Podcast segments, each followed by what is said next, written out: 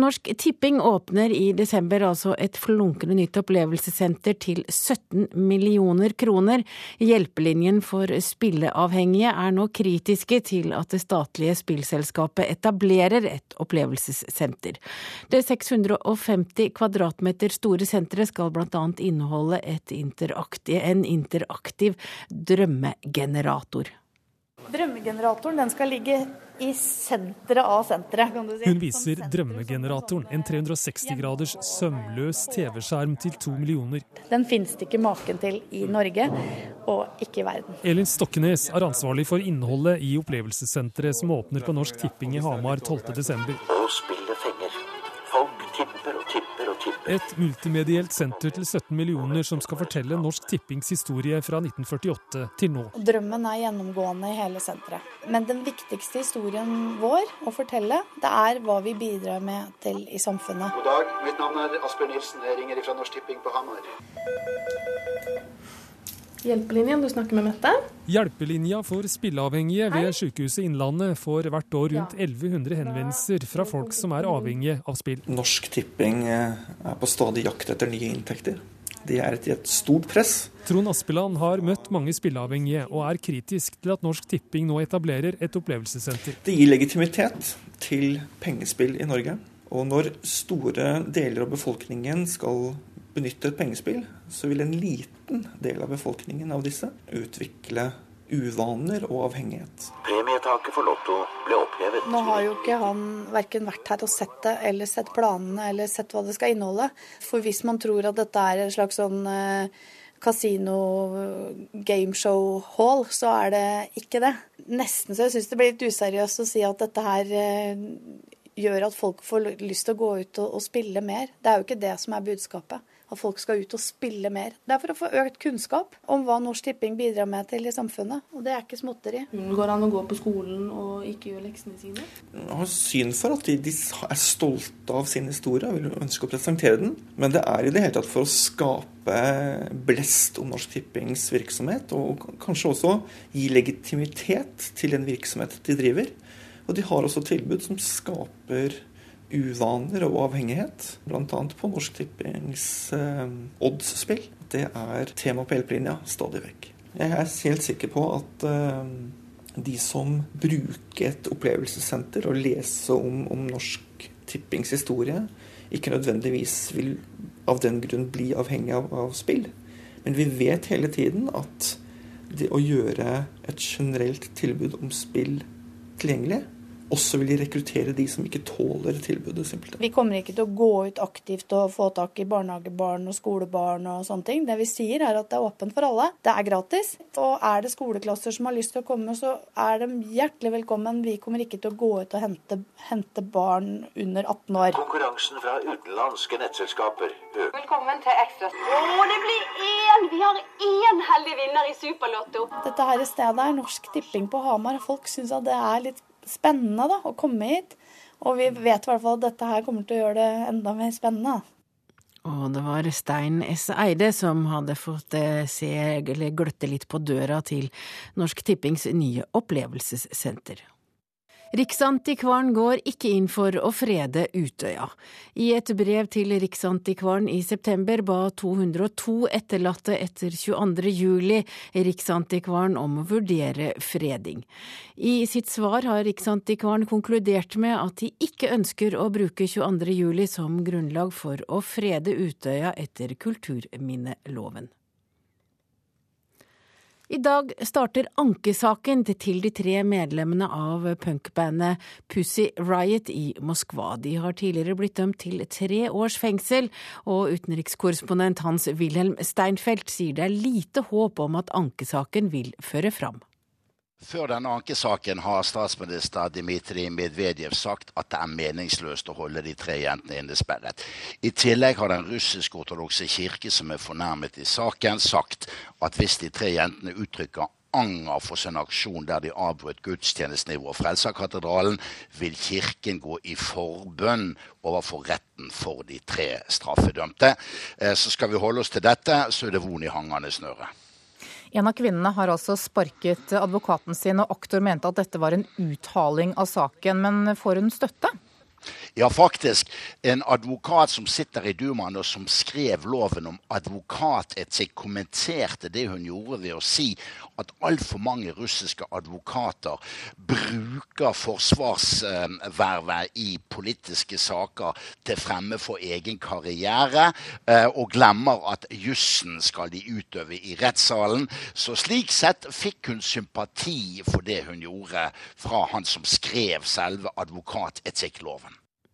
Og det var Anne Jetlund Hansen som intervjuet Hans Wilhelm Steinfeld i Moskva. Regjeringen legger ned Norske kulturminnefond ti år etter at det ble opprettet. Kapitalen på 1,4 milliarder kroner blir tilbakeført til statskassen.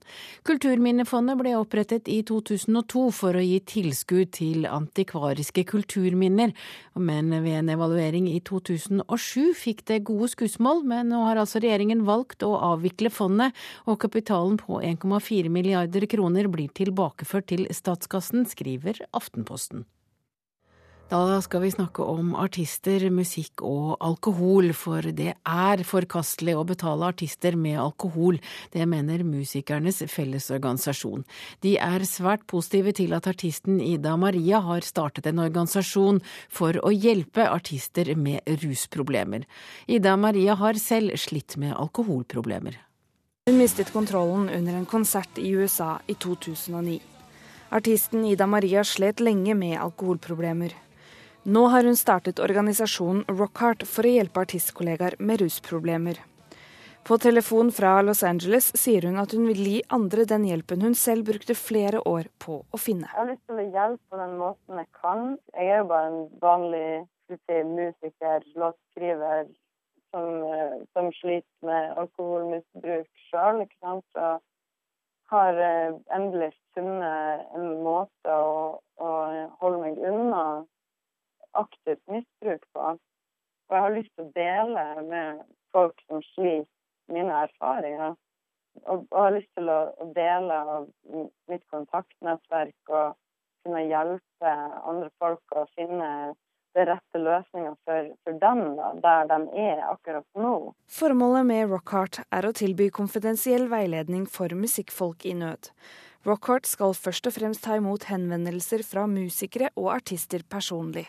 Rockhart ønsker å være et tilbud til musikere som er på turné eller i studio, eller ikke sant, utøvende musikere som ser at de har et problem med, med rusmisbruk eller alkoholisme eller eh, lignende, som ønsker å søke hjelp. da.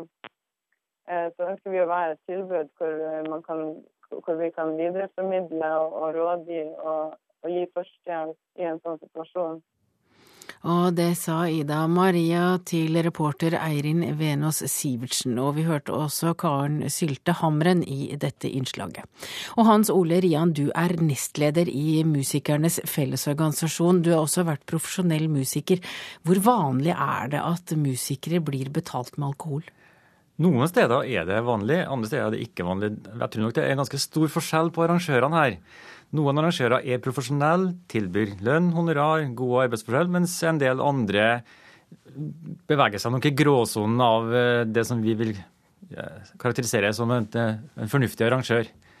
Eh, jeg syns jo det, det, er ganske merkelig at noen som hyrer noen til å gjøre en jobb, kanskje den viktigste jobben på den klubben eller på den festivalen, er såpass uprofesjonelle at de bare tilbyr dem øl og vin og sprit når de kommer og gjør en jobb. Hvilket annet yrke ville du opplevd noe sånt? Nei, veldig sjelden vi journalister opplever slikt. Men, men, altså, Ida Marie tar jo initiativ for å hjelpe andre som har det som henne. Er det mange som sliter med alkoholproblemer eh, og ikke klarer å si nei takk? Ja, det er noen. Vi får noen sånne enkelttilbakemeldinger uh, på at det er noen som sliter. Litt av problemet er jo at det finnes jo ikke noe tall eller noe forskning på dette området. Og vi prøver jo å få, få skaffa grundig dokumentasjon og, og noe tall, så vi kan si noe om hvor mange er som sliter. Hva kan vi gjøre med det? Eh, burde vi gjort noe med det offentlige helsevesenet? Burde også næringsdrivende kunstnere ha det samme tilbudet som andre yrkesgrupper har når det gjelder oppfølging, HMS, Akan-tjenester, eh, psykologtjenester, støtteordninger. Men er det lett å få folk til å stå fram og fortelle om problemet? Tydeligvis ikke. Eh, nå hørte vi jo Kråkesølv eh, sa noe om det. Og det skal være en debatt nå på lørdag i Stavanger i, i, i forbindelse med noe som Norsk Rockforbund arrangerer. Og de sliter med å få folk til å stå fram og si at eh, de har hatt problemer med alkohol. Hvorfor det? Er det flaut? Det hadde vært litt av den rockemyten, da. At du skal feste og ture og drikke og ha det gøy.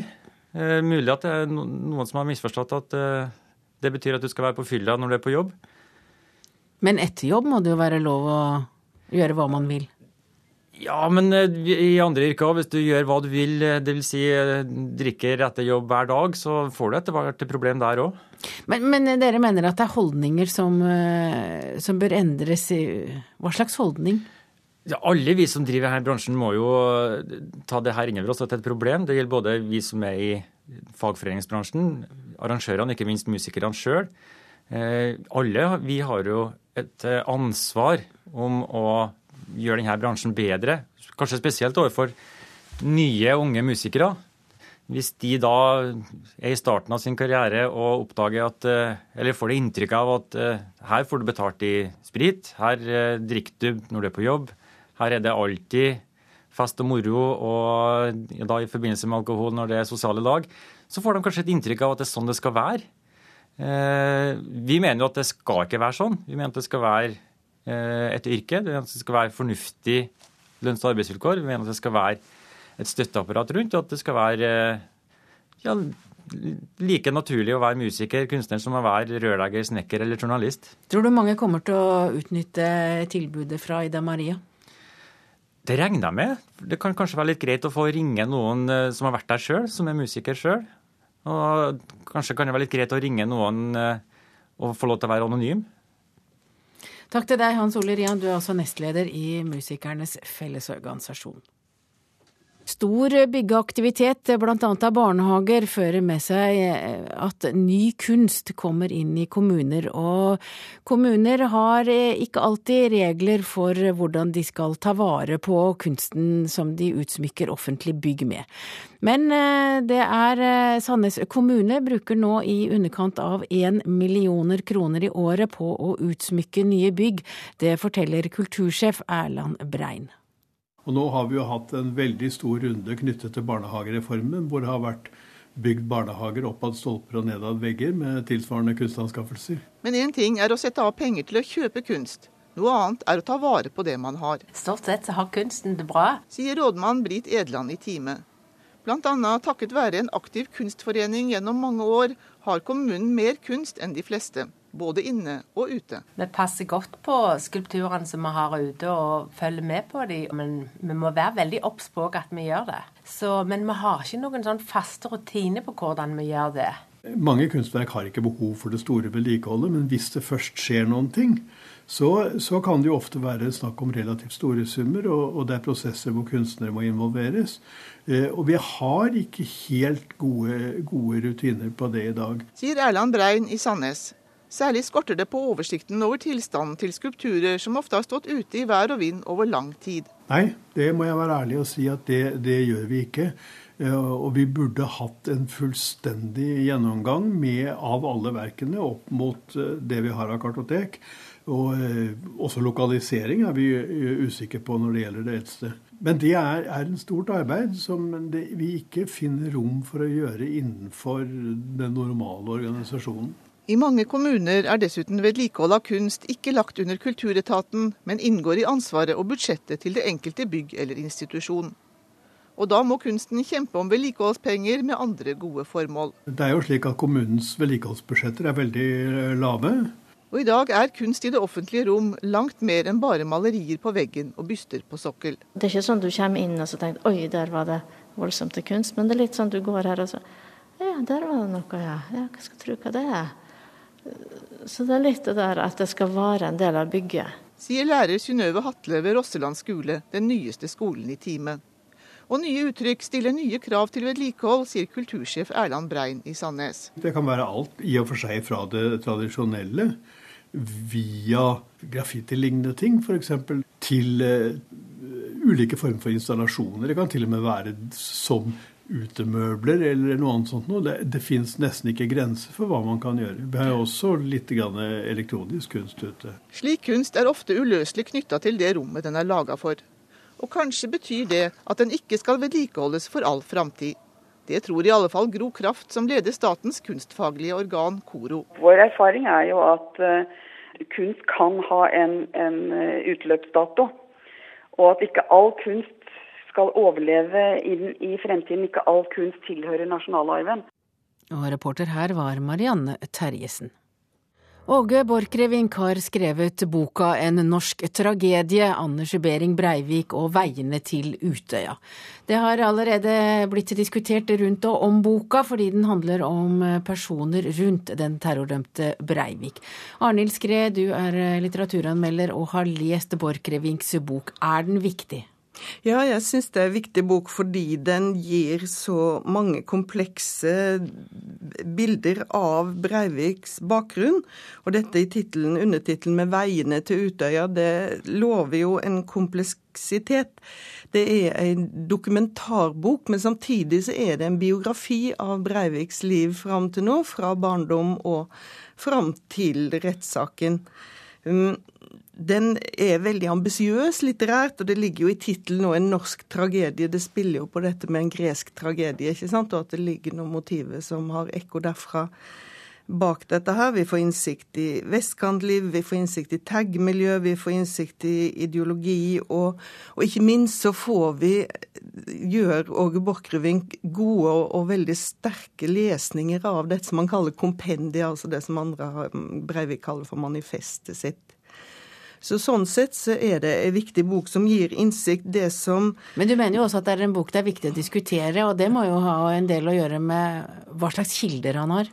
Ja, jeg syns når det gjelder kilder, så, så, som historiker så må jeg si at det, det er veldig mye dyktig kildearbeid og mye god kildekritikk. Jeg syns kanskje han er litt lite kritisk til, til stemora, som mener de den eneste vel i den nære familien har fått intervjuet, men når det gjelder det som, er, det som virkelig er diskutabelt i denne boka, det er jo måten han bruker barndomshistorien på, og ikke minst dette at han går så mye inn i detalj når det gjelder disse psykiatriske, eller disse utredningene av barnepsykologene i sin tid og mors bakgrunn.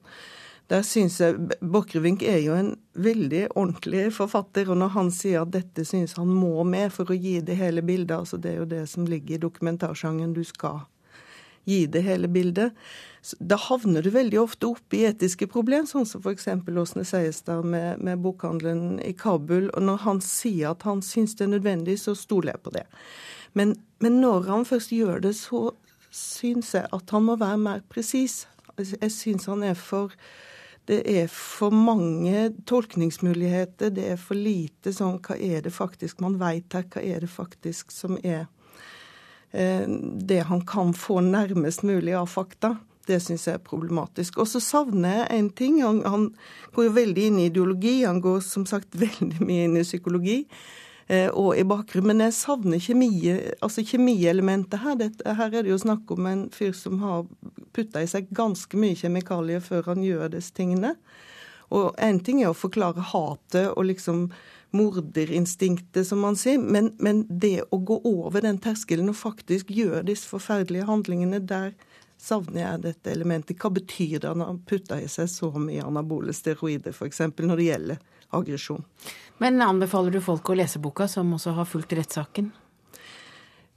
Ja, det, det, gjør jeg fordi det er viktig, og det sier Borchgrevink òg. Dette er et innlegg i diskusjon. Det er viktig at vi fører den debatten videre. Takk til deg, Arnhild Skred. Du har altså lest Åge Borchgrevinks bok 'En norsk tragedie', Anders Behring Breivik og 'Veiene til Utøya'. Korsang gir mer engasjerte og positive medarbeidere. Det viser ny forskningsrapport gjennomført av Helse Nord-Trøndelag. Ved sykehusene i fylket har over 700 ansatte vært med på et prosjekt kalt Lyden av trivsel. Målet var å få sykefraværet ned og trivselen opp. Kom igjen nå. En liten back, den ble snart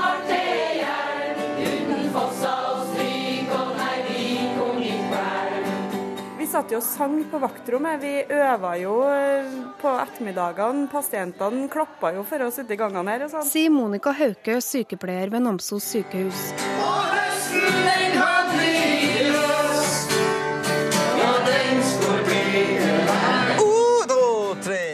Ja, sånn hørtes det ut da Helse Nord-Trøndelag skulle få ned sykefraværet og bedre arbeidsmiljøet. Over 700 ansatte ble med i kor. Det har gitt noe i hverdagen. Det har eh, gitt noe positiv effekt for den enkelte å føle at det er virkelig artig. Enda artigere å være på jobb, og det å kunne jobbe sammen med kolleger, eller delta sammen med kolleger i en aktivitet på fritid. Eh, at det da bekreftes gjennom denne forskningsrapporten, det syns jeg er veldig positivt. Det sier Arne Flått, administrerende direktør ved sykehuset Namsos, som var en av de ivrigste deltakerne. Opplegget var inspirert av TV 2-konseptet Det store korslaget og fikk støtte av Kulturdepartementet. Sykefraværet gikk ned med 10% under sangperioden. Og ny forskning viser at korsang på kveldstid har bedra arbeidsmiljøet ved sykehusene i Nord-Trøndelag. Resultatene er at uh, de som deltok, rapporterte Eh, en bedring, engasjement i arbeidsmiljøet sitt og i sin egen helse. I sammenligning med dem som ikke deltok da. Det sier Jonas Våg, psykolog og doktorgradsstipendiat ved Helse Nord-Trøndelag. Våg har nylig publisert en forskningsartikkel i tidsskriftet Arts and Health. Blant mye forskning, inklusiv over 130 medisinske doktorgrader, har de funnet koblinger mellom kultur og helse. Og det ble også gjort i Nord-Trøndelag. Eh, vi fikk positive tilbakemeldinger fra reviewerne, altså dem som vurderte eh, artikkelen, eh, om at de syntes at det var et veldig interessant tema. og at det Kanskje det viktigste funnet er jo å finne ut at det ikke er skadelig. Sant? Fordi at Man kan jo se for seg at det er ganske mye andre positive effekter av av sang som ikke nødvendigvis er så enkel å måle, eller, men at det ikke, ikke er skadelig for arbeidsmiljøet. Det, det er i hvert fall fint. Lyden av trivsel var et samarbeid mellom Helse Nord-Trøndelag og Rock City. Kulturministeren har tidligere bevilga penger til en videreføring. Og sykehusdirektøren ved Namsos vil gjerne se fortsettelsen. Det engasjementet som, som deltakerne la i dette, her, det var et fantastisk opplegg. Og nå er jeg under press, for å si det sånn. Et press for å komme med oppfølgeren. Og det kommer et eller annet. Bare, bare vente litt. Det kommer et eller annet. Så det her var noe av det artigste jeg har vært med på. Og det her skal følges opp.